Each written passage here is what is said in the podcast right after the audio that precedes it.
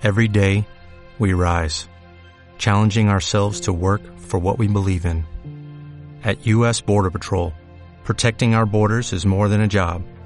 It's a calling. Agents answer the call, working together to keep our country and communities safe. If you're ready for a new mission, join U.S. Border Patrol and go beyond. Learn more at cbp.gov/careers. Galicia por diante con Kiko Novoa na Radio Galega.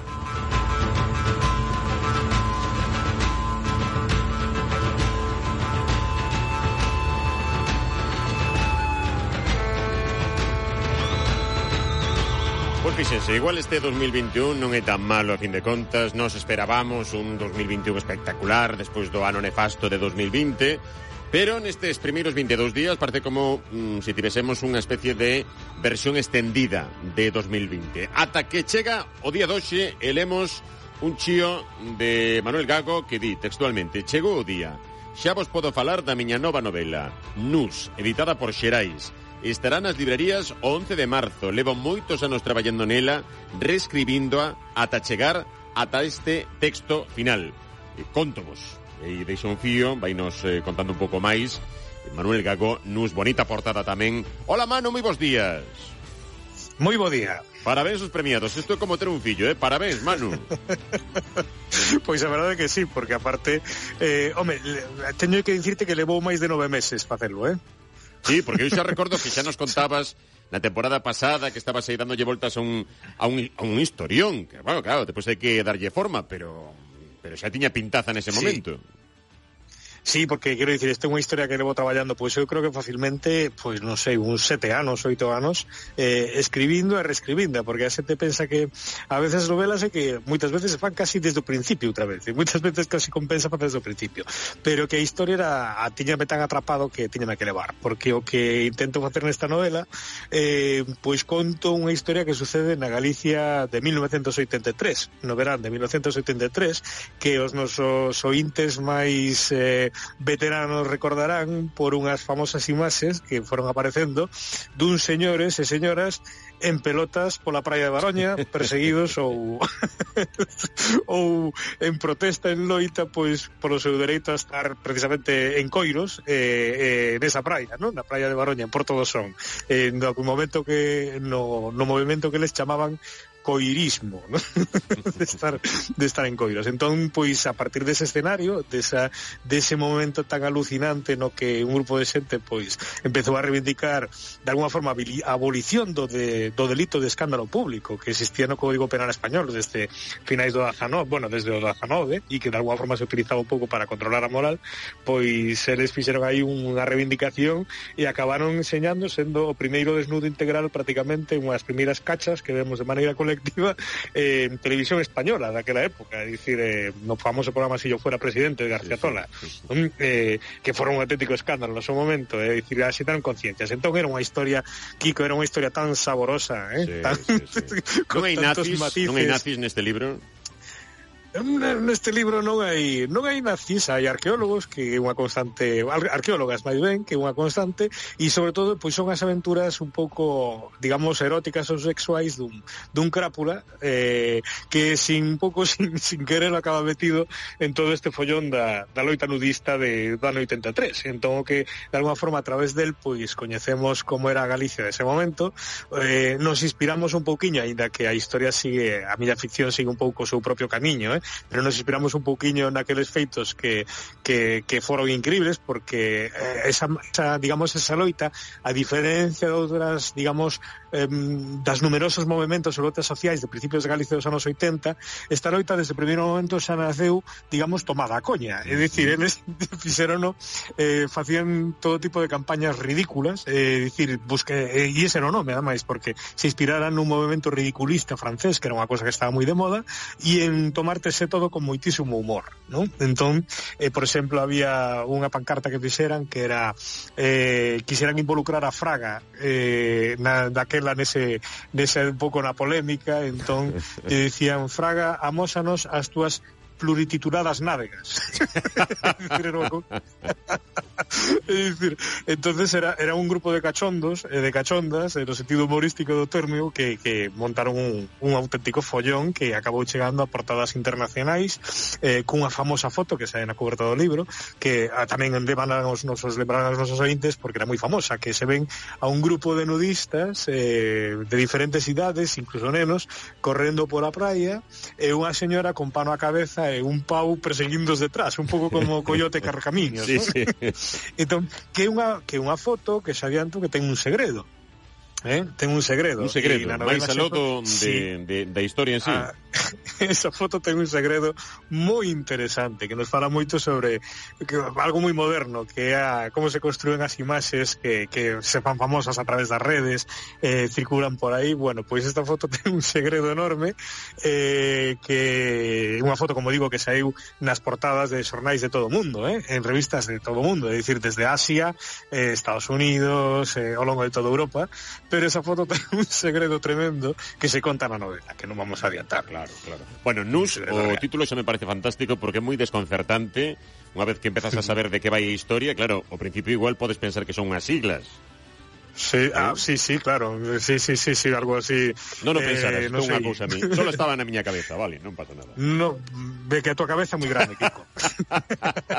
sí, sí. Ten moitas, pero mira, podemos xogar ao equívoco fantásticamente, claro. pero eu creo que cando sí. se ve o resto da portada e a señora Copau perseguindo a, sí, está, aos pobres claro. aos nudistas, creo que queda queda bastante claro. En todo caso, un movimento maravilloso e unha reivindicación eh, desa de Galicia de principios 80, que a veces se nos esquence e que foi unha Galicia, eu mm. vivina solo de pequenos, sea, eu non, era un neno, é dicir, un neno moi neno. Non corriches pero, en pelotas pero... Eh, diente de bellas, vamos. non, non pero eu era por do caramiñar, entón nos acordábamos, todo, ali se, se falaba moitísimo dos nudistas de Baroña, non se sabía moi ben que era esa xente ali, eran medio, bueno, medio túzaros, é dicir, aí a xente tiña unha idea un pouco... Había quen lle parecía moi ben e había xente que tiña moita desconfianza, como era normal, porque estábamos nun cambio de época.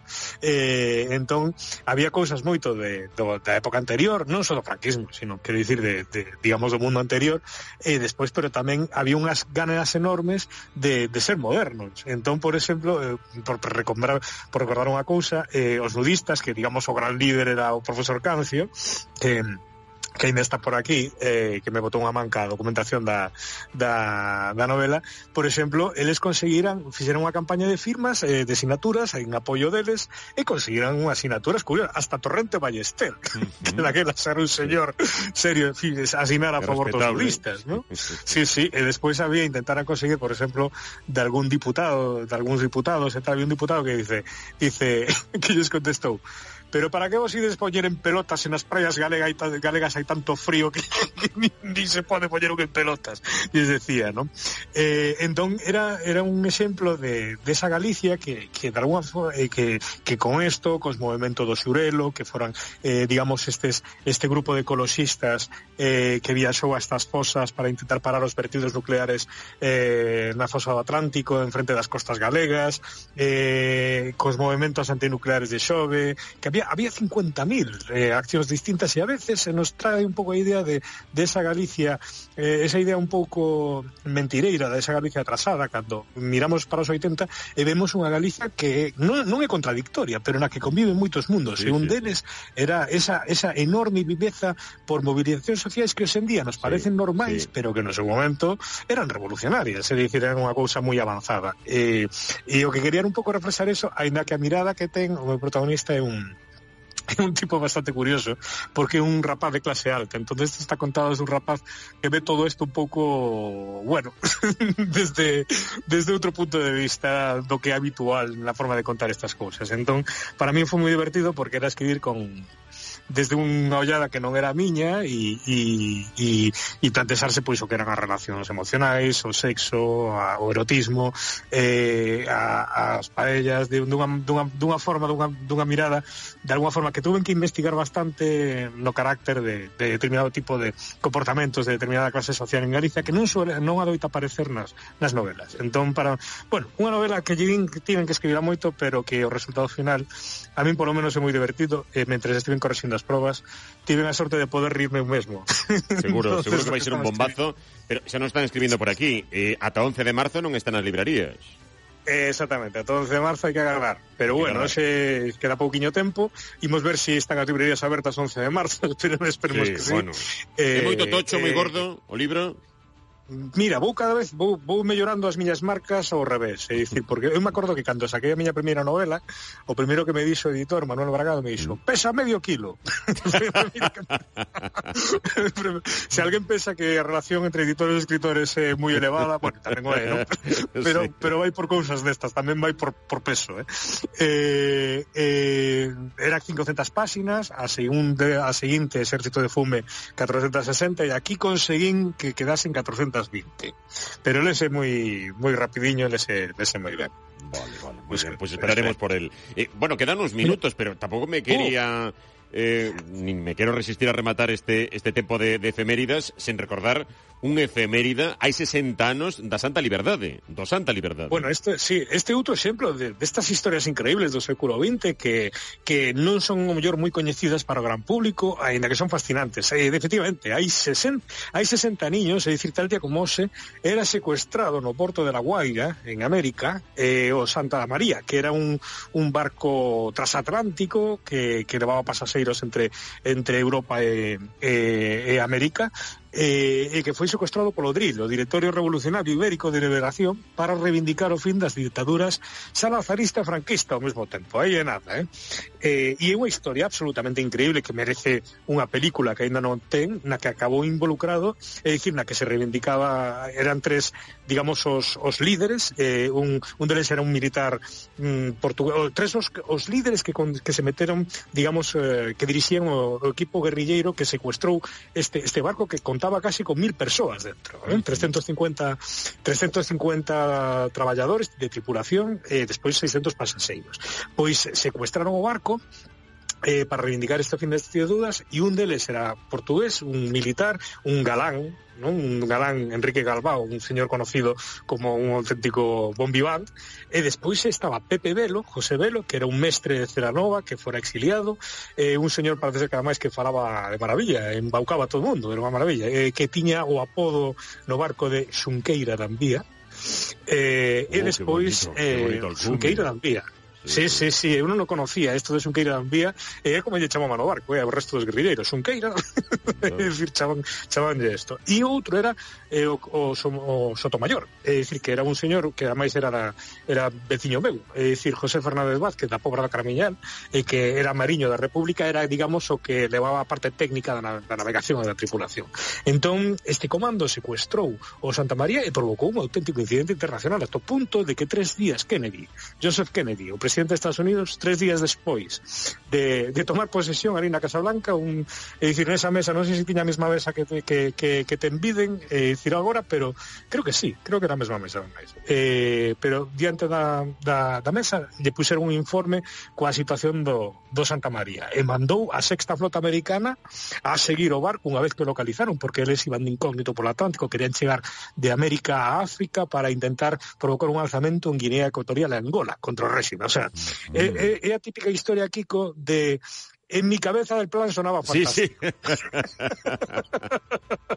Pero despois pero despois na práctica era na práctica foi foi tremendo, non? Eh, entonces provocaron un, un incidente de escala internacional sí, sí absolutamente eh, increíble, eh, que, que, digamos que, como te digo, eh, implicou a británicos, implicou a, a, a norteamericanos, eh implicou a, a, e despois, por suposto, as, aos propios gobernos de, de Portugal e de España, como te direi. Pero o caso curioso é como eles cando o que ocorreu, porque temos moita documentación, pero incluso o que, digamos, o que fixeron os guerrilleiros foi que todo teña que manterse igual co cual te podes imaginar que era un barco secuestrado cando eles o secuestraron eh, e entón iban de incógnito para África e Sotomayor diseñou unha estrategia que iba bastante ben que iban para África en zigzag polo Atlántico para non ser rastreados polos radares e coas comunicacións cortadas iban a cegas eh, digamos, para o Atlántico. Que pasou? Que, que había feridos no barco, había un, un pasaxeiro que estaba en mal estado e un,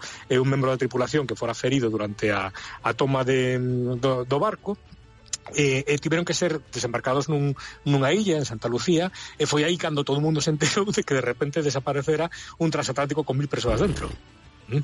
É dicir, que eles rebautizaron, chamábanse Santa María, eles puseron unha pancarta eh, que Santa, é super peliculero que di Santa Liberdade, non?